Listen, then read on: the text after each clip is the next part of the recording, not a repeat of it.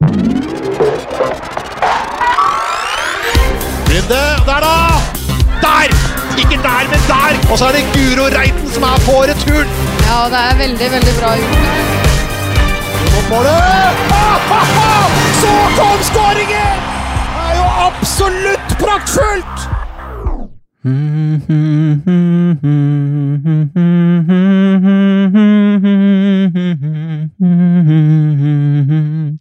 Da er endelig VM-podkasten tilbake, og eh, i dag uten Solveig Gulbrandsen fordi vi har måttet dele oss opp her i TV 2-leiren nede i Frankrike. Solveig er i dag med det norske laget. Jeg er rundt det engelske og har nettopp vært på pressekonferansen til Phil Neville der han eh, hyller de norske midtstopperne Maren Mjelde og Maria Torresdottir. Den saken kan dere lese på tv2.no. I tillegg så snakker han mye om eh, troen på eget lag, at ikke de kommer til å la seg prege av eh, omgivelsene, av eh, rammen rundt, og dette er en stor kamp for dem. Litt eh, skadetrøbbel i det engelske laget, potensielt eh, kanskje begge midtstopperne ute. Men dere skal slippe å sitte og bare høre på at jeg snakker om dette, for jeg er så heldig at jeg har fått med meg to journalister som dekker eh, det engelske laget veldig bra og veldig tett, og har gjort det i en årrekke. Så nå skal jeg ta og finne et lite rom her, like ved siden av eh, presserommet, og eh, ta en liten prat med de, så får vi høre hva de interesserer seg for rundt det norske laget, og så får vi kanskje litt eh, hemmeligheter fra Camp England før kvartfinale i VM mellom Norge og England. Den eh, vet jo sikkert de fleste at det begynner klokken ni på TV2 på torsdag. Sendingen begynner halv ni, og det er bare å glede seg. Så eh, jeg tror jeg bare prøver å sette over til meg sjøl. Ganske rart. Solveig er forresten eh, tilbake i Frankrike, så hun er her.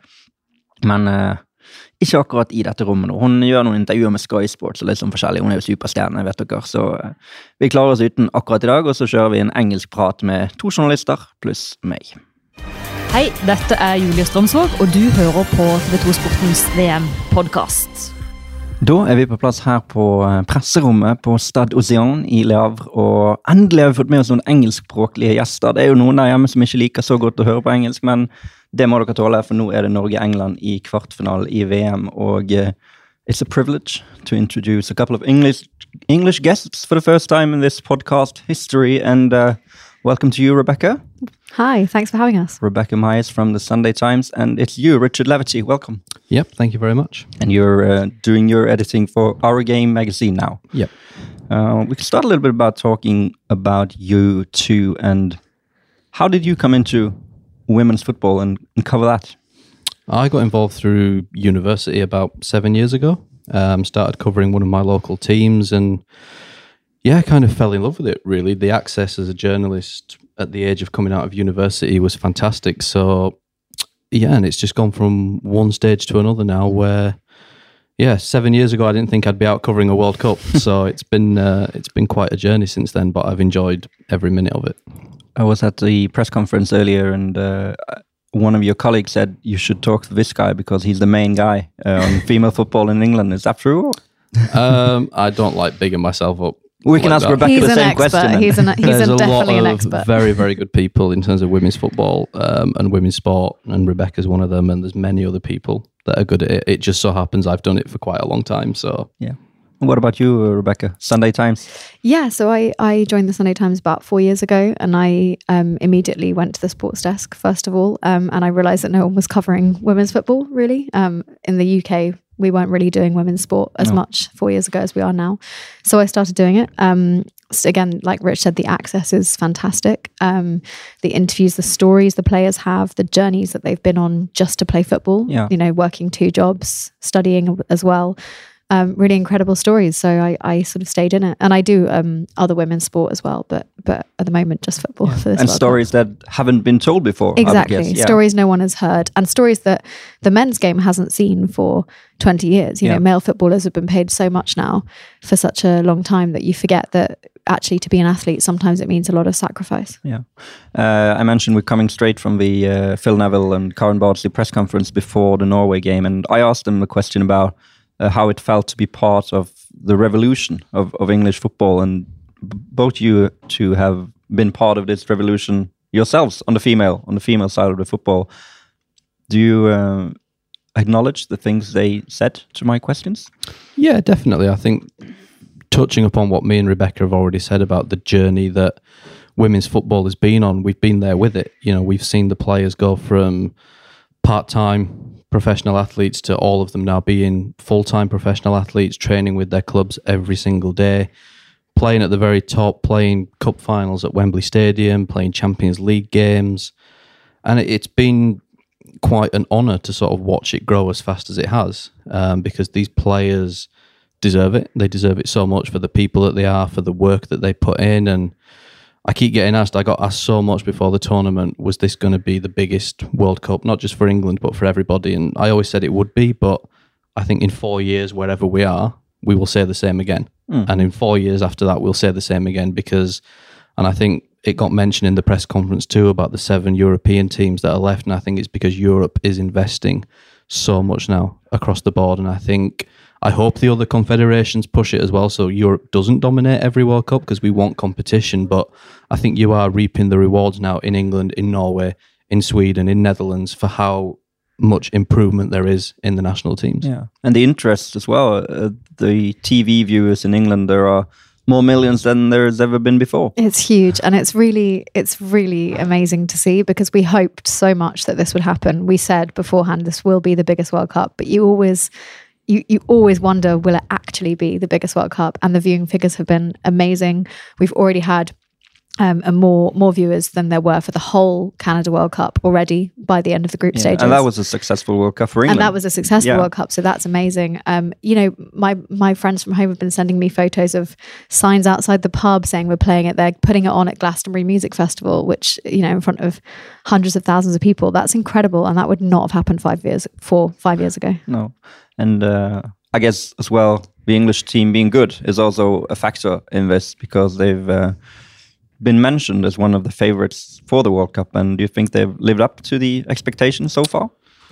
I think they've got things to work on, and I think Phil has accepted that. But they've won four games out of four, um, so you can't complain. I think what happened four years ago changed everything in terms of the perception of the national team, and possibly in some ways the way it happened with the semi-final loss. It, it, it the way that defeat came about got a lot of people interested. Um, there was a lot of sympathy, and then we obviously backed that up by winning the bronze medal we'd not had a tournament like that before in England on the women's side, so that changed a lot of things. We backed it up somewhat with a semi final again.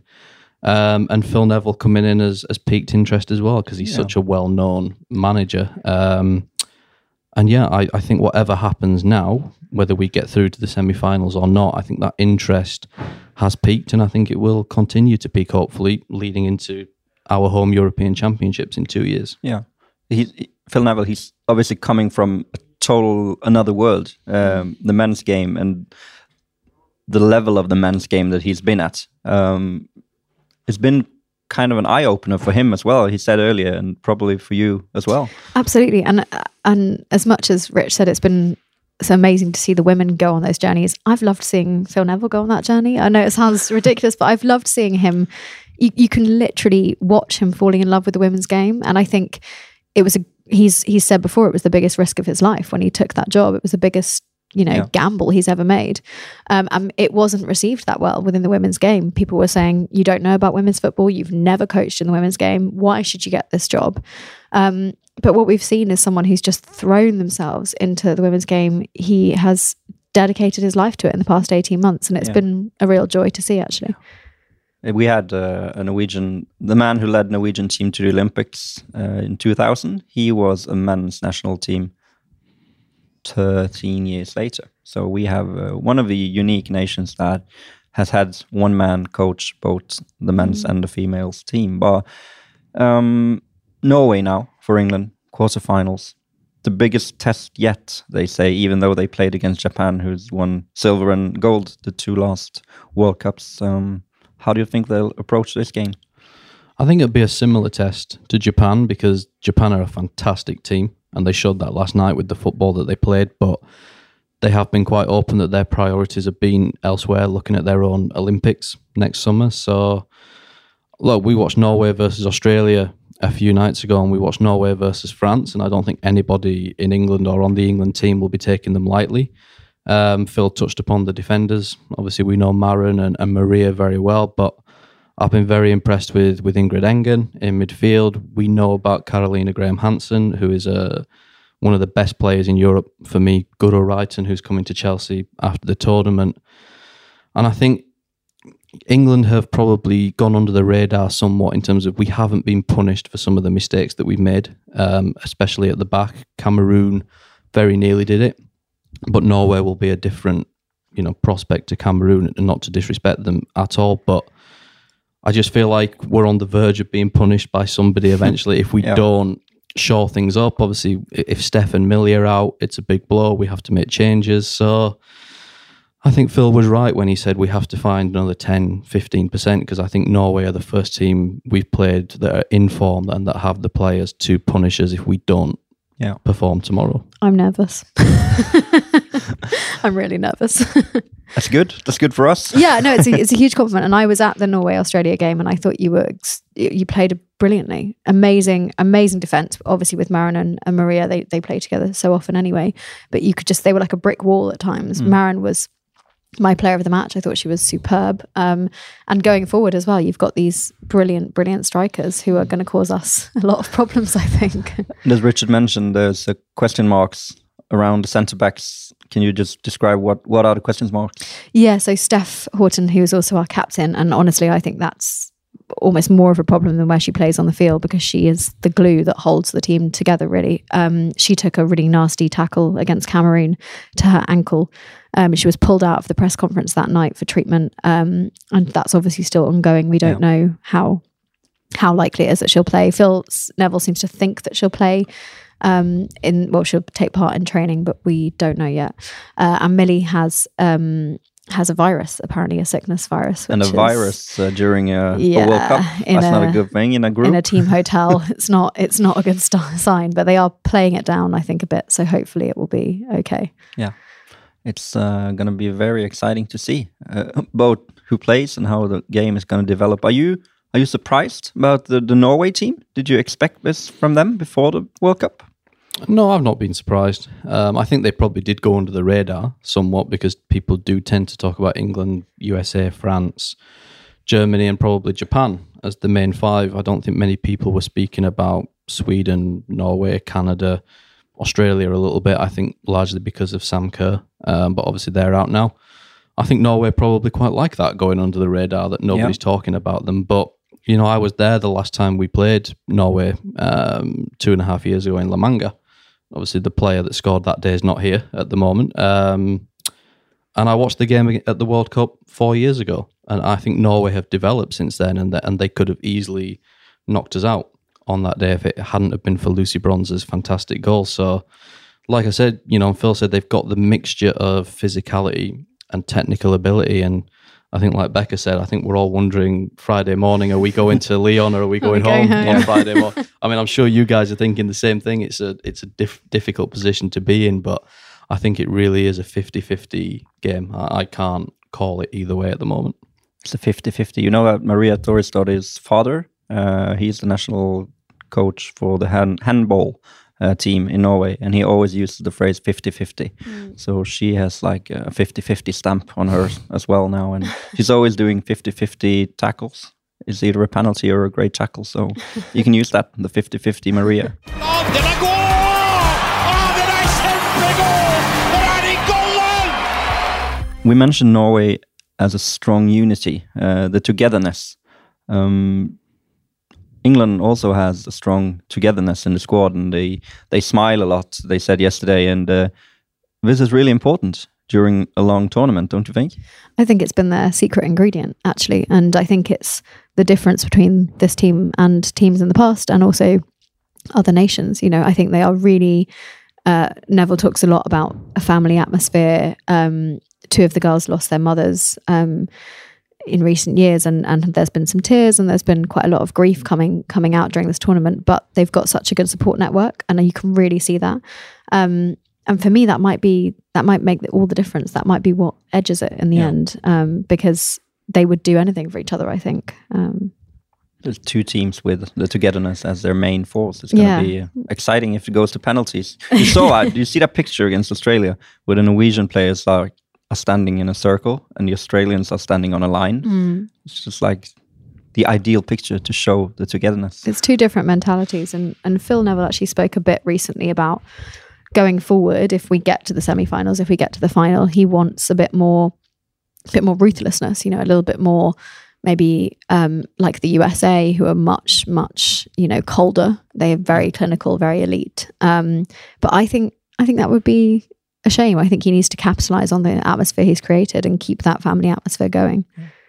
So, what do you expect of the game tomorrow? We don't want penalties, do we? For a start, Nobody Because wants it's um, England. But yeah, we don't have a much better record on the women's side than we do on the men's. So I, I don't know. Honestly, I was talking about this walking down to the stadium this morning, and I, I cannot call it. I think I do genuinely fear if England play like they did against Cameroon, and, and to some extent against Japan when it comes to the defense, I think we will get beat. Yeah. I think we need our attackers to step up because really there's only Ellen that has performed to her level hmm. this tournament. We haven't seen the best of Nikita Parris since the first 45 minutes against Scotland. Hmm. We haven't seen the best of Fran Kirby at any point, I think, during the tournament. And that worries me more so because tomorrow's defenders know Fran better than anybody that we've come up against. So, hmm.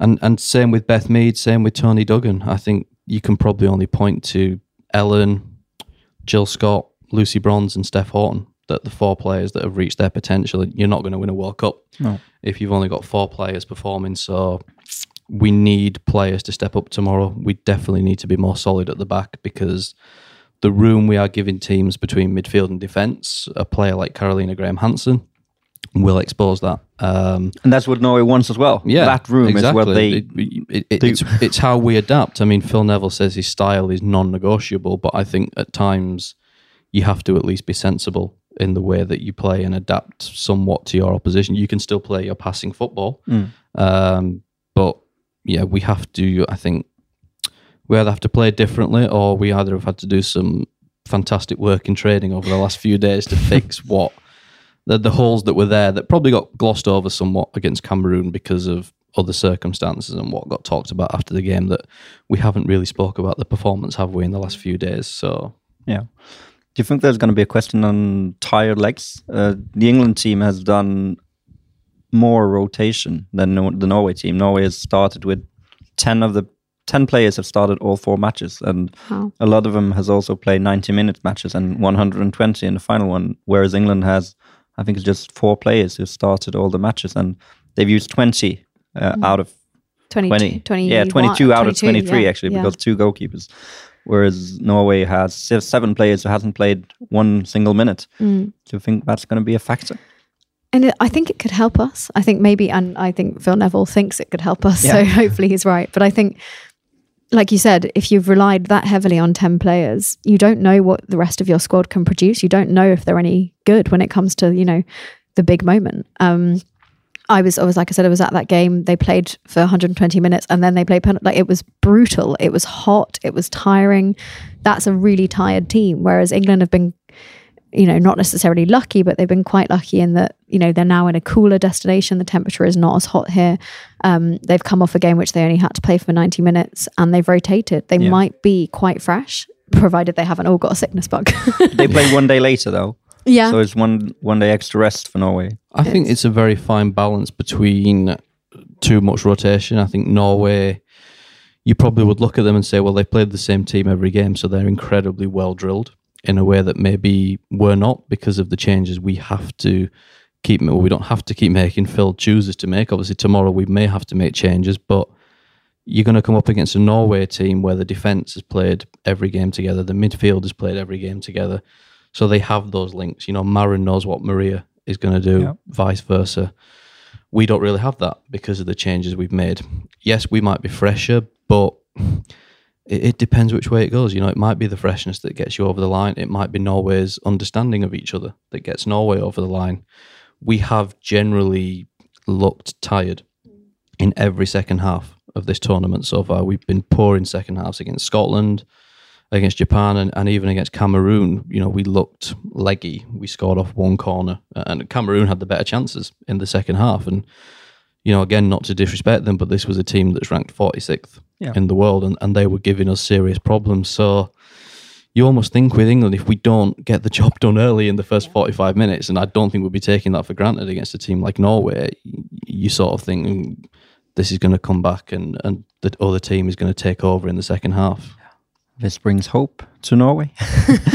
Any? we don't uh, want to give you too much. Yeah, we're just secretly playing England down. Yeah, that's the way it should be. Um, thank you very much for participating. Any Thank you. final thoughts, questions, anything you'd like to talk about before we? May the best finish? team win. I'd like to know. In, in, I mean, I know we spoke about Ada Hegerberg so much, but you know, Phil mentioned there about are Norway doing this to sort of prove that they are not reliant on Ada Hegerberg. What is the view in Norway? Because we get asked about this. but I don't know how Every many It's a very difficult Even question before to we were playing Norway, we get asked in England Yeah. all the time. Even though she's not playing in England, she's not English. It's been such a big talking yeah, point over the because two everyone years knows who that she is. not- She won But the do you Ballon think d'Or. what's the attitude in Norway towards?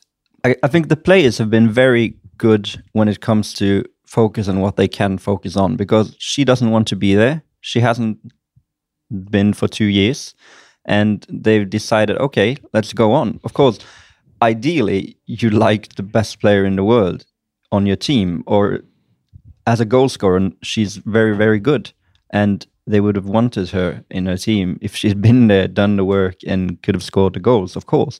But as long as she don't want to be there, they just decided, okay, we can't do anything about that now. We as a team, we we have to stand strong, and they have really been strong. And this togetherness, as we mentioned, is really strong. I don't think it's like an answer to her that they want her to see that they can cope without her, but it's just the fact that they focus on what they can do. Their togetherness is one of their main strengths, and they have been really strong. That's my view on it. Bob. There has been a strange obsession in England. but I don't know what it's like in other the English countries, are but obsessed with Ada. when the squad got announced for Norway before the tournament, people were. I went on radio stations, podcasts. What do you think of Ada Hegerberg not going to the World Cup? And I said, well, she's not been in the squad for two years. Yeah. This this should not be. I mean, people make headlines out of things that maybe don't follow the women's game day in day out. But I said she's not played for two years. Why are people surprised? That she's not in the squad. She doesn't want to be in the squad. She doesn't have to justify why she doesn't want to be in the squad. I think she's come out and said she's happier you know that she was actually struggling mentally when Yeah, she was in the squad and i think yeah. you cannot you can't tell someone they're wrong when when they're happier with their decision and i think i'm sure i, I speak on behalf of rebecca as well that most of us respect her decision for what she's done and i think people have probably gone a bit over the top with it worldwide in terms of her not being there But I think it is. I think it's a natural fascination because as an athlete and as a footballer, this is the biggest prize. This is the biggest competition on earth. This is why you do what you do. And I think people are really fascinated by the idea that you would give that up. Yeah. Um, especially, I think I wondered after everything that happened with the Ballon d'Or and the twerking and all of that, I wondered whether she might re enter into conversations and look to rejoin the World Cup squad in a way to put that behind her and remind the world that actually what she's known for is her football. Um, that maybe that that was probably my naive on my part, but um, yeah, I think people are just fascinated because, especially in England, for years and years and years, we've seen male footballers distraught and crying in their careers over. it. Phil Neville missed three World Cups, and it's all anyone ever talks about to him still. It's all phil neville talks about so yeah, we've seen all that, and then to see someone turn around themselves and say, "I don't want to be there, and I could be there, and I'm not going," is really amazing. Really, I think I think that's somewhat makes me admire her more. That she is giving. She obviously feels so strongly about whatever it is going on inside the Norway Federation that she's prepared to give up a World Cup. I mean, I've interviewed Ada quite a few times, and she does come across as a very genuine person who will do what she feels is best. Um, and like I said, she's obviously got her reasons, and I think of course, there's a fascination. You know, I don't disagree with what Rebecca said, but I think people have to just leave her be and respect it. And she will, if she wants to come back one day, she'll come back. Yeah. Um, whether that is when either the manager changes or the things within the federation change. Uh, you know, we in England don't know the specifics of what's going on. Um, it's a shame not to see her here, obviously, but. From our point of view, England, it's great. We're, we're, know- we're worried about the game as it is. So without Yeah. Ada being up front, and also to see a player like Carolina Graham Hansen thrive. You know, Yeah. she's mm. been amazing, and I think if Ada was here, she would not be. she wouldn't get the headlines, she wouldn't get the recognition and maybe the chances that she's getting without her. So that's great. There might be the final twist in the tale that Norway wins without her. It would be the story of everything, maybe. Mm. Yeah. Yeah, let's not think about that. Okay, very nice. Thank you so much for uh, participating and um, good luck. We have to say that. We're friends, Norway Yeah. and England, even though we're enemies in the match. But good luck. Good luck to you Good too. luck to you, yeah. Thank Thanks you. for participating. Runde, der da! Der! Ikke der, men der! Og så er det Guro Reiten som er på returen. Ja, det er veldig, veldig bra gjort. Målet! Så kom skåringen! Det er jo absolutt praktfullt! Moderne media.